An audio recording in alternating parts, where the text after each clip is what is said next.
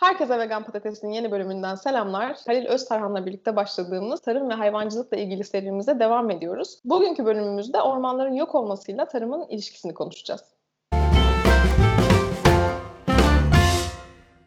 Hayır biliyorsun e, birkaç yıldır bu Amazonların yok olmasıyla tarımın ilişkisi gündemimizde. Yani uzun hatta 2018-2019'dan beri orada çok ciddi tarım alanları açıldığını biliyoruz. Belki daha önce de açılıyordu ama bizim gündemimize yeni düştü. Bu tarım alanlarının açılması aynı zamanda yangınlara da sebep oluyor. Zannediyorum e, birkaç hafta önce Vegan Gazete'de gördüğüm bir haber. Burada açılan tarım alanlarının et ve süt ürünleri şirketleriyle arasındaki bağ konuşuldu. Çünkü e, bu tarım alanlarının yaklaşık %72'si bu şirketler şirketler tarafından e, hayvanlara yem sağlama amacıyla ekilip biçilen yerlerde ve burada işte e, toprağı zannediyorum bekletmek için ya da temizlemek için sen daha iyi bilirsin e, kasıtlı olarak çıkarılan yangınlar varmış ve bu yangınlar da büyüyerek oradaki ormanların yanmasına sebep oluyormuş. Belki de bu bizim ülkemizde de zaman zaman yapılan kasıtlı çıkarılan yangınlar işte orada villa yapıyorlar falan ya. Belki orada da aynı sistemi e, yürütüyorlar bilmiyorum. Ama sonuç olarak orada bu tarz şeyler yaşanıyor. Biz halk olarak bunları çok üzülerek takip ediyoruz.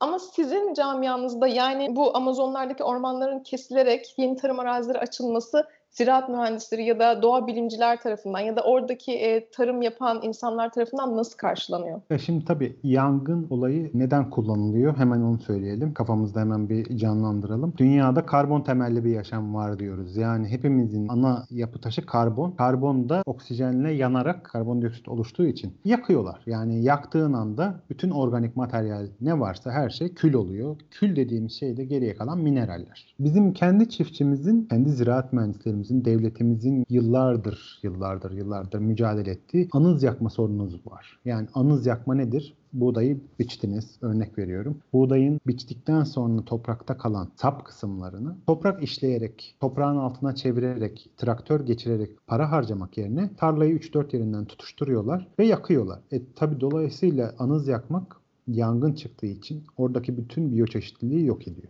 börtü, böcek, topraktaki yararlı, zararlı, bütün mikroorganizmalar her şey kül oluyor maalesef. Ve tabii ki bu teknoloji yani insanlık belki var olduğundan beri yani daha doğrusu yerleşik hayata geçtiğinden beri var olan bir teknik. Tabii ormanlara da aynı şeyler yapıyorlar. Yani yazın belli bir artık kurakla erişmiş zamanda bir görüyoruz hep. Yangınlar niye yazı kışın ortasında yangın çıktığını gören olmaz yani.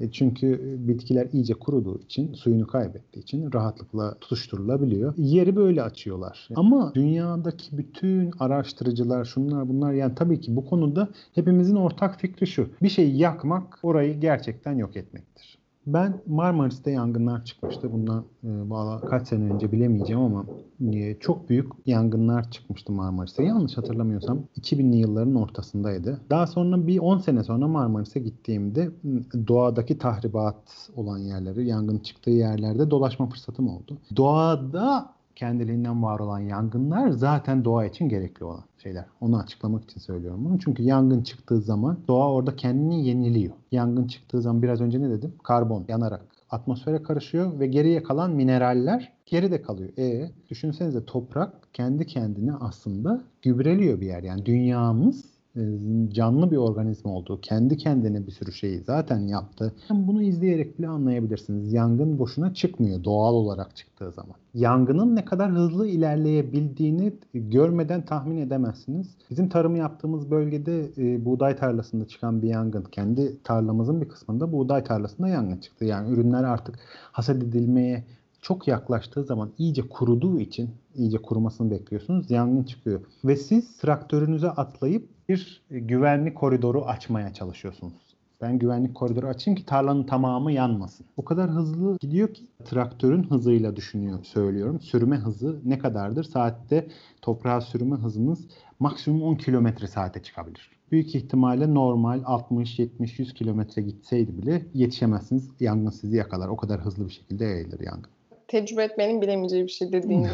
Peki hangi tarım uygulamaları ormanları, işte orman arazilerini ve ormandaki ekosistemi negatif yönde etkiliyor? Çünkü bir de yangından bahsediyoruz. Sadece ağaç yanmıyor ormanda. Oradaki bütün hayvanlar da yaşamını e, yitiriyor. Tabii ki bir sürü uygulama yani işte ilaçlar, kimyasal atıklar, hayvancılığın yarattığı işte biraz daha önceki videolarda bahsetmiştik hani toprağın asitleşmesi sonucu. Oradaki bitki örtüsünün yok olmaya başlaması, otomatikman biyoçeşitliliğin azalması. Yani öyle belgesellerde öyle şeyler görüyoruz ki hani bir belgesel izlemiştim açıkçası oradan örnek vermek istiyorum. Bir e, çiçek yarasası var yani o çiçekten sadece beslenebilen bir yarasa. Düşünsenize sadece o çiçekten beslenebilmek için özelleşmiş bir dili var. Hayvanın kendi vücudu kadar dili var. Çiçek de boru şeklinde o çiçeğin içinden nektarı alabilmek için özelleşmiş. Düşünsenize oradan o çiçeği yok ettiniz. Otomatikman o hayvanı da yok etmiş oluyorsunuz. O yüzden biyoçeşitlilik çok hassas bir denge. En ufak bir şeyin çoğalması ya da azalmasında dünya, doğa, tabiat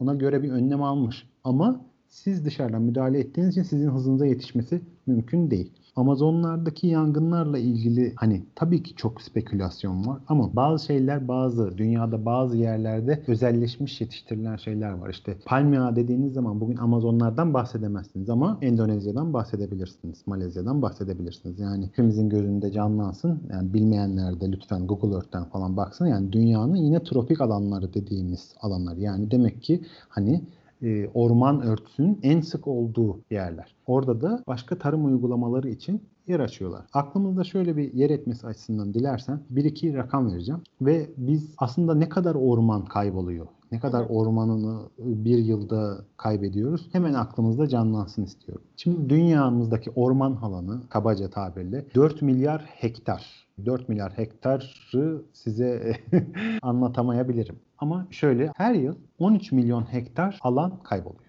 Yani 4 milyar ormanın 13 milyon hektarını kaybediyoruz. Şimdi size söyleyeceğim rakamla gözünüzde daha heyecanlanacak. Hepiniz bir futbol stadyumunun ne kadar büyük olduğunu az çok biliyorsunuz. Hepiniz büyük şehirlerde yaşasanız da, küçük yerlerde yaşasanız da aşağı yukarı biliyorsunuz. Şöyle örnek veriyorum. Bir futbol stadyumu, süratları söylemeyeceğim, 7 dekar. Yani 7000 metrekare. Her dakika dünyada 35 futbol sahası büyüklüğünde orman kaybediyoruz. Bu da korkunç bir rakam. 35 futbol sahası büyüklüğünde bir her dakika kaybetmek demek bunun gerçekten de artık hani bir süre sonra biteceği anlamına geliyor.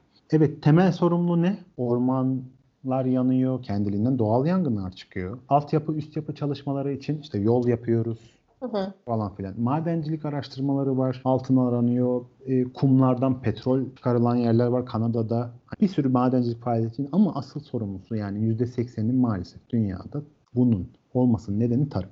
Ormanlarımızı kaybetmemizin %80 sorumlusu tarım. Tarımda da maalesef böyle vegan karşıtlığına geleceğim yine ama vegan karşıtlığını söylediği gibi işte bitki üretimi şu bu demeden önce öncelikle bir şapkayı önümüze koyup bakmamız gerekiyor. Maalesef hayvancılık nedeniyle ekosistemi de bozuyoruz, hı hı. ormanları da yok ediyoruz. Ee, bir de şey uygulamaları var ya mesela yasalarda da var bu. İşte bir yerde belli bir miktar ağaç kestiğinde herhangi bir şeyi yapmak için o kadar ağacı tekrar dikmen lazım. Mesela bu da insanlara şey gibi geliyor. Aa ne kadar güzel işte ağaç kesmişler ama dikmişler de. Fakat zannediyorum yani bilmiyorum lütfen sen aydınlat bizi e, orada oluşan o ekosistem belki binlerce yılda oluşuyor. Dolayısıyla bizim mesela hemen ektiğimiz üç tane fide, diktiğimiz e, üç tane fide ya da işte böyle orman arazisi olması çok zaman alıyor. Orada e, aynı ekosistem oluşuyor mu? Yani hani kestiğimizi dikince bir anlam ifade ediyor mu bu? İnsanların kafasında tabii ki belli, e, doğru örnekler verilmediği için söylediğin şeylerde çok haklısın. Hepimiz hemen oh, hadi oluyor.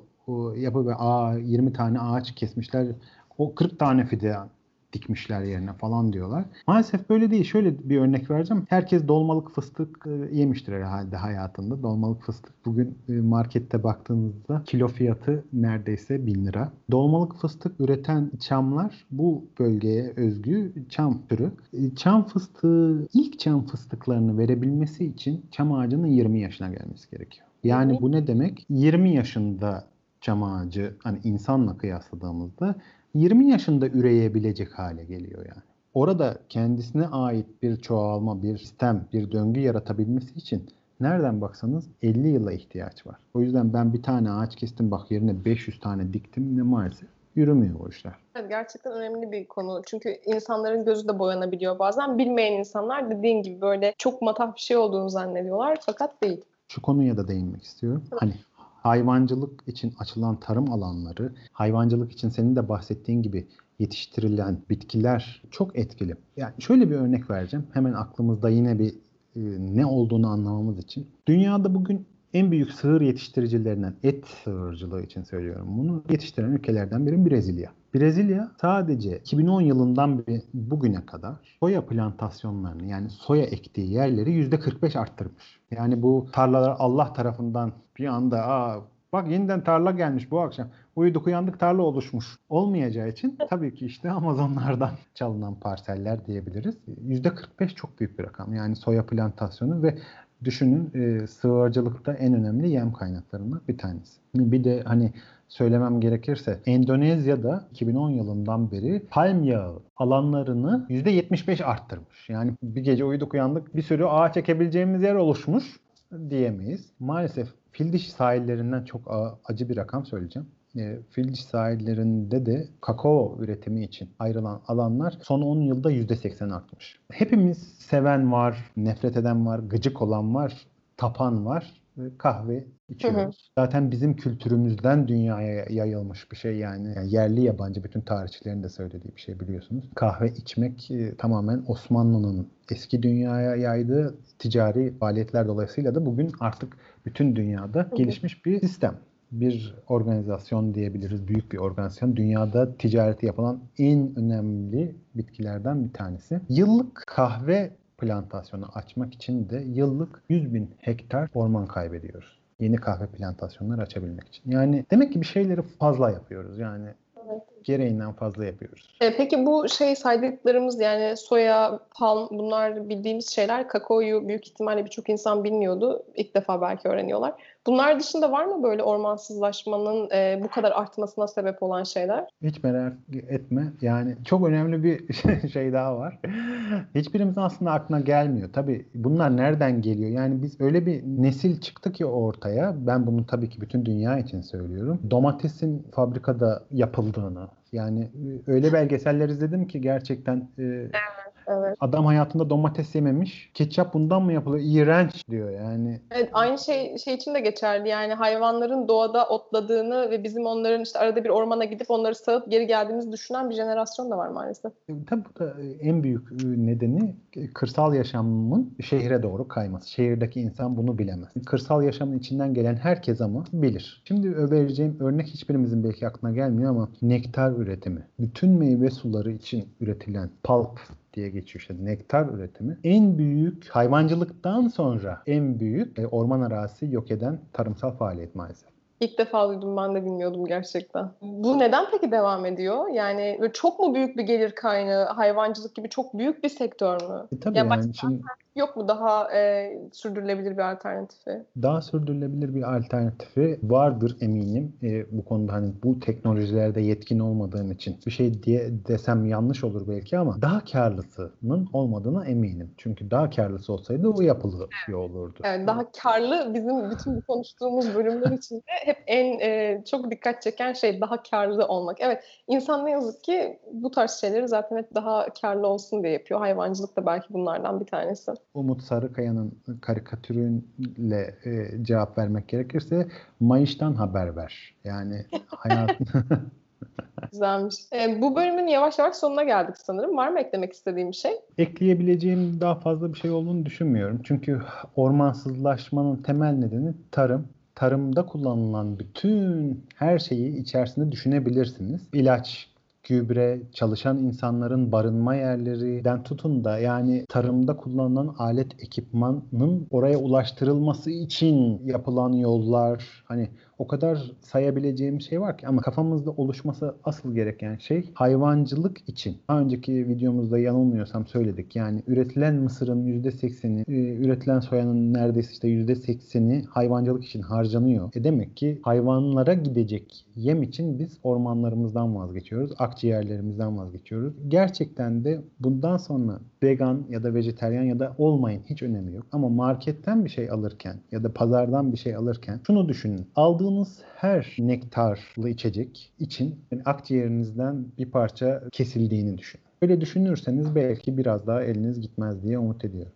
Çok teşekkürler verdiğin bilgiler için Ali. Halil'le yaptığımız bu video serisinin devamı gelecek. Ee, ilerleyen bölümlerden haberdar olmak için kanala abone olmayı unutmayın. Diğer bölümlerde söylememiştim ama bunları aynı zamanda podcast olarak da yüklüyorum Vegan Patates'in podcast kanallarına. Oradan da takip edebilirsiniz. Bu bölümün sonuna geldik. Diğer bölümlerde görüşmek üzere diyelim. Halil'in yine her zamanki gibi sosyal medya adreslerini aşağıda paylaştım ve Vegan Gazete'den de yazılarını takip edebilirsiniz. Görüşmek üzere. Bizi izlediğiniz için teşekkür ederiz.